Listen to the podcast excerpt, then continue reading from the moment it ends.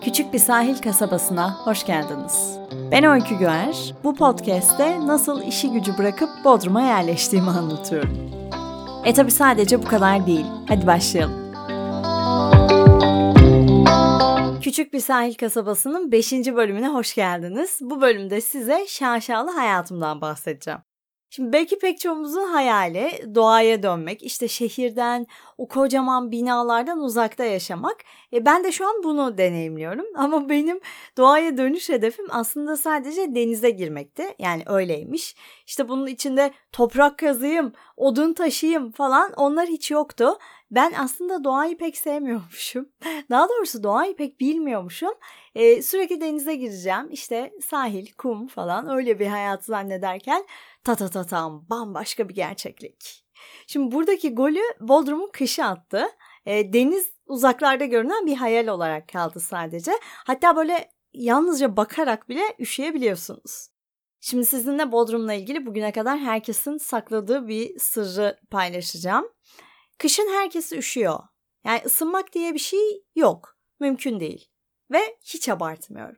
Kime böyle işte kışın ne yapıyorsun, nasıl ısınıyorsun diye sorsak ısınmıyoruz diyor. Hmm. Ya bunu normalleştirmişler. Kışın soğuk olur, ısınmayız. Peki. Şimdi ben Ankaralıyım. Yani üşümenin şahını biz biliriz. Ama üşümek nedir? Dışarıda üşürsün böyle titrersin yani. Ama sonra evin içine girersin. Oh kalorifer peteği mükemmel. İşte burası öyle değil. Burada evlerin içi buz gibi ve klima bir ısınma yöntemi değil yani bunu kabul edelim. Sadece tam önünde durursanız yani o belli bir açıda durursanız ısıtıyor. Onun için de böyle ayakta falan durmanız gerekiyor 3,5 saat. Ayrıca elektrik fiyatları biliyorsunuz efsane arttı. Yani klima yakan mı kaldı diye bir soru. Kettle çalıştırırken üç kere düşünüyoruz. İşte biz de bu sebeple soba yakmaya karar verdik. Şimdi ben bu evi ilk tuttuğumuzda sobayı görüp ya bunu kaldırırız ya buradan demiştim çirkin duruyor ya hani. İyi ki kaldırmamışız şu anda çünkü hayatımızı kurtarıyor. Ama görüntü şu. Salonun bir köşesinde soba yanıyor. Öyle güzel kırmızı retro bir şey beklemeyin. Düz yani çirkin soba. Soba duyarı herhalde yemem diye düşünüyorum. Neyse önünde çamaşırlık var. Yıkanan çamaşırlar asılı. E, ve sürekli bir çamaşır döngüsü var. Çünkü kurumuyor çamaşırlar. Onlar kuruyana kadar yenilerini yıkanma vakti geliyor. Ya sürekli bir asılı çamaşır var orada. Kalkınca şey oluyor böyle. Ev güzelleşmiş gibi bir his. Nem var nem dedikleri e, diş fırçalarımız mesela sürekli ıslak. Geceden sabaha kurumuyor. Elimi en son ne zaman kuru bir havluya sildiğimi hatırlamıyorum. Ya havluyu yeni astığım an dışında böyle bir anı yok. Genel olarak anlayacağınız hiçbir şey kurumuyor. Tabii ki her odayı da ısıtmak mümkün değil. Çamaşırları da ısıttığınız odada kurutmanız gerekiyor. Dolayısıyla sobanın önü çamaşırların asıldığı yer. E biz de sadece salonu ısıttığımız için zaten tek bir alternatif var. Yatak odasında yatmaya yakın bir 10-15 dakika ısıtıp yatıyoruz. O zenginlik. Ya Bodrum'da yaşıyorum deyince hayallerde canlananla gerçek hayat arasındaki farkı anlatmak istiyorum. Bir arkadaş grubumuz var. Onlar da İstanbul'dan geldiler. İşte İstanbul'da, Ankara'da aşağı yukarı benzer hayatlar yaşıyorduk. Beyaz yakalılık. Şimdi silinmiş sanırım o entry ama e, biri bana ekşi sözlükte Beverly Hills kızı gibi dertleri var yazmıştı. Radyo yayınlarımı dinlemiş. Böyle bir çıkarımı olmuş. İlk okuduğumda çok bozuldum dedim. Solcuyum ya ben de Beverly Hills'i. Sonra birkaç tane olay oldu. Dedim haklıymış ya ben Beverly Hills kızıymışım. Şimdi Bodrum'a yerleştik. E, bu herkesin hayali ya bir gün bir sahil kasabasına yerleşmek. İşte bir gün Bodrum'a yerleşmek. Aslında çok kolay. Her şeyi bırakıp yerleşiyorsunuz. Gerçekten hiçbir zorluğu yok. Ama e, büyük şehirdeki hayat standardınızı buraya getirmek istiyorsanız işte zorluk o noktada başlıyor. Zaten bence iki tip yerleşme var. Bir tanesi yaşadığın şehirde neyin var neyin yoksa bırakıp tamamen sıfırdan başlamak. Yani bizimki gibi. Bir tanesi de çok zengin olup yerleşmek.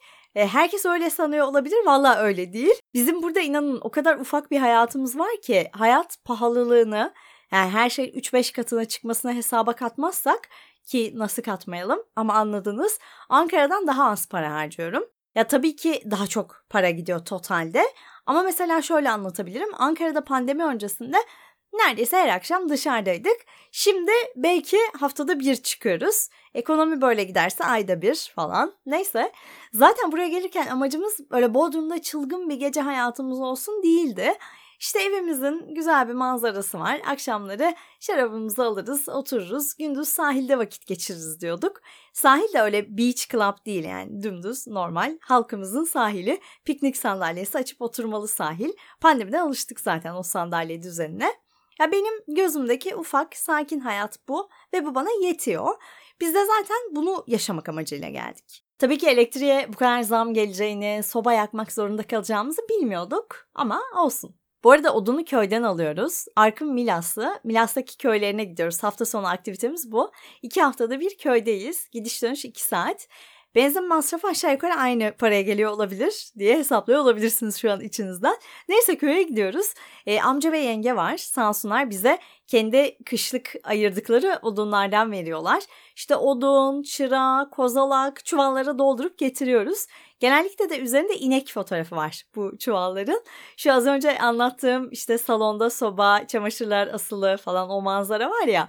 Onun yanında bir de inek yemi çuvallar var. içinde odunlar var ama ısınıyoruz yani sonuç olarak. Soba harika. Görsel bir şölen, şaşalı bir hayat. Şimdi geçen gün köye gittiğimizde mini bir köy turu da yaptık. Köy 101 diyebiliriz benim için. Zaten benim genel olarak e, konuşulanları anlamamak gibi bir sıkıntım oluyor.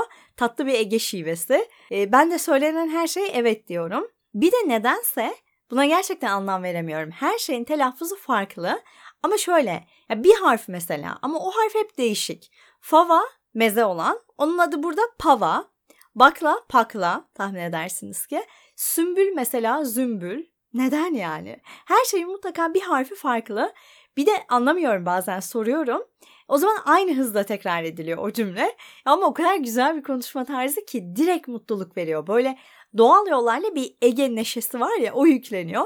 E, bizim akrabalarımızla yani bizim ailenin akrabalarıyla Arkın'ın akrabalarına karşılaştırınca onlar da gerçekten herkes çok neşeli. Bizde bilmiyorum ya. Herkesin bir tık suratı asık gibi. Hep bir sinirli böyle. Bir gerginlik var. Ege şivesiyle konuşup mutsuz olmak diye bir şey yok herhalde. Böyle o konuşmanın bir melodisi var ya, mutlu bir şarkının melodisi gibi. Neyse bana köy 101 yaptık.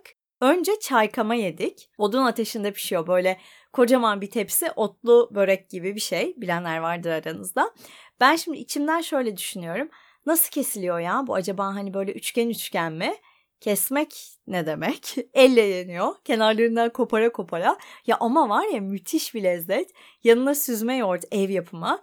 Böyle bana bana yiyorsunuz ellerinizle. Yanında da soğan dörde bölünmüş halde. Arkın bir yere böyle bir çatal falan diyecek oldu. Yenge dedi ki hayır bu elle yenir. Tamam elle yedik. Gerçekten çok lezzetliydi. Bu arada insanın hayatta adapte olma hızı o kadar yüksek ki sanki böyle hiç yıllarca Ankara'da yaşamamışım, Yıllardır böyle o köyde, o evde yerde oturup çaykama yiyorum gibi bir his. Sonra yenge bizi köyde bir gezintiye çıkardı. Çaykamaya konan otlar evin yanından toplanıyor zaten. E, ve benim ot bilgim maydanoz dereotuyla sınırlı. Pazara gidiyoruz mesela roka alacağım. Üç farklı ota elime atıyorum bu roka mı diye. Ya ve asla tutturamıyorum yani ot konusunda bu kadar zayıfım. Ama o köy 101'de ya ne otlar öğrendim. Şimdi sadece bakarak farklı ot türlerini tek bakışta anlayabilmek bana muazzam bir yetenek gibi görünüyor. Yenge'de bu yetenek var. Şimdi bu sahneyi bir donduralım. Bana o anda çok saçma geldi hayat boyu yaptıklarımız. Ne olabilir işte türev integral öğrenmek, yıllarca oradan oraya koşturmuş olmak, büyük bir hırs içinde yarışmak. Bunun seni hayatta tuttuğunu, hayata bağladığını zannediyorsun ama aslında temelde hayatta kalma becerilerinden yoksunsun. Yani hangi ot zararlı, hangisi zehirli bilmiyorsun. İşte neye dokunulur, neye dokunulmaz bilmiyorsun. Yani siz benden daha çok biliyor olabilirsiniz tabii ki. Ama ben gerçekten bilmiyorum. E, nitekim bu köy 101 gezimiz boyunca sadece ve sadece tek bir ota dokundum. O da arkadaşlar ısırgan otuymuş. Yani dokunmamam gereken tek ot. Ha ne oldu? Türev integral. Böyle anlarda hayatın dengesi değişiyor gibi geliyor bana. Sana çok büyük görünen başarılar, hayatını adadığın mevzular o kadar o kadar küçülüyor ki Hani sürekli bir hayatın anlamı arayışındayız ya. Ya o anlam işte bu ufacık şeylerdeyse. Çok klişe oldu. Dünya kocaman bir neydi? Okulda öğrenmiştik. Kutuplardan hafifçe basık, ekvatordan şişkin, geoid şeklinde.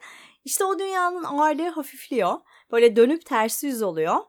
Makineye girmeden önce cepleri dışarı çıkarılan pantolonlar gibi içinde ne varsa aşağı boşalıyor. Sonra tepe taklak olup hop eski haline dönüyor. E, hayat köyde anlayacağınız bir Nuri Bilge Ceylan filmi gibi. Mesela bir hafta giderken güzel bir manzara gördük yolda. Fotoğraf çekelim dedik. Durduk indik arabadan. Tam karşıdan da yolun ortasından bir amca yürüyor. Ama yani hedef bir yere varmak değil. Amca sadece adım atıyor. Sonra bir sonraki adımı daha atıyor. Yani bacakları hareket ettiği için de otomatik olarak bir yere varmış oluyor. Ve çok yavaş çekim bütün bunlar. Hani bir Nuri Bilge Ceylan filmindeki geçiş sahnesi amcası hayalinin tam o. Neyse işte indik orada fotoğraf çektik falan. İki hafta sonra yine bizim klasik köy ziyareti. Tam aynı yoldan geçerken aynı yerde yine aynı amca yine yürüyor. Yani sanki amca hep orada bizim hayatımız hareket ediyor. Onunki böyle farklı bir zaman diliminde geçiyor gibi. Ya şimdi şöyle düşünüyorum. Hayata o amca olarak gelme ihtimali de var. İşte tüm otları tanıyan yenge olabilmek de var. İstanbul'da, Ankara'da başarılı bir insan olabilmek de var. Ne için bu kadar uğraştığımızı düşündüm bu köy 101 gezisinde. Aslında genel olarak Bodrum'da geçirdiğim ilk kışta bunu düşünüyorum. İlk bölümde söylemiştim işte kendimi radyocu, eğitmen vesaire kimlikleri dışında tanımlayacak ve yeniden yaratacak olsam ortaya ne çıkardı diye.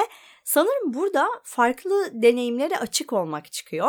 İşte çok fazla şey bildiğini düşünmek değil de hiçbir şey bilmediğini kabul etmek çıkıyor.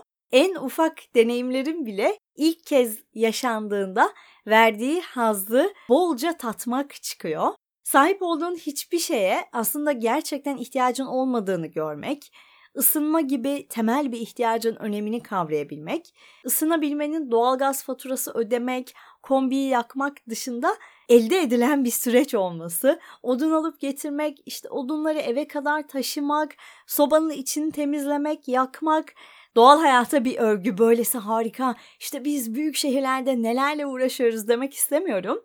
Burada büyük şehirlere dair özlediğim çok çok çok fazla şey var. Birçok şeye henüz alışamadım. Ama mesele sanki bakış açısında gibi geliyor bana.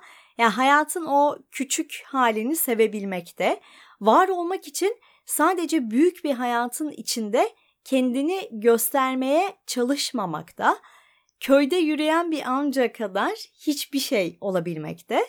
Ya ama işte bakın o amcayı bugün burada anlatıyorum. Ve o amcanın hayatta herhangi bir şey olmaya çalıştığını, bunun için çabaladığını ve hırsla koşuşturduğunu da sanmıyorum. Şaşalı bir hayat bölümümüzün özeti sanırım çabasızlık. Bodrum'da geçirdiğim ilk kışta çabasız bir varoluşu kavruyor bunu yaparken çok zorlanıyor ama çok da öğreniyorum. Size de bana bu yolda eşlik ettiğiniz için teşekkür ediyorum. Çaykamayı bilenler, yiyenler varsa bana yazsın. Öpüyorum. Bir sonraki bölümde görüşürüz.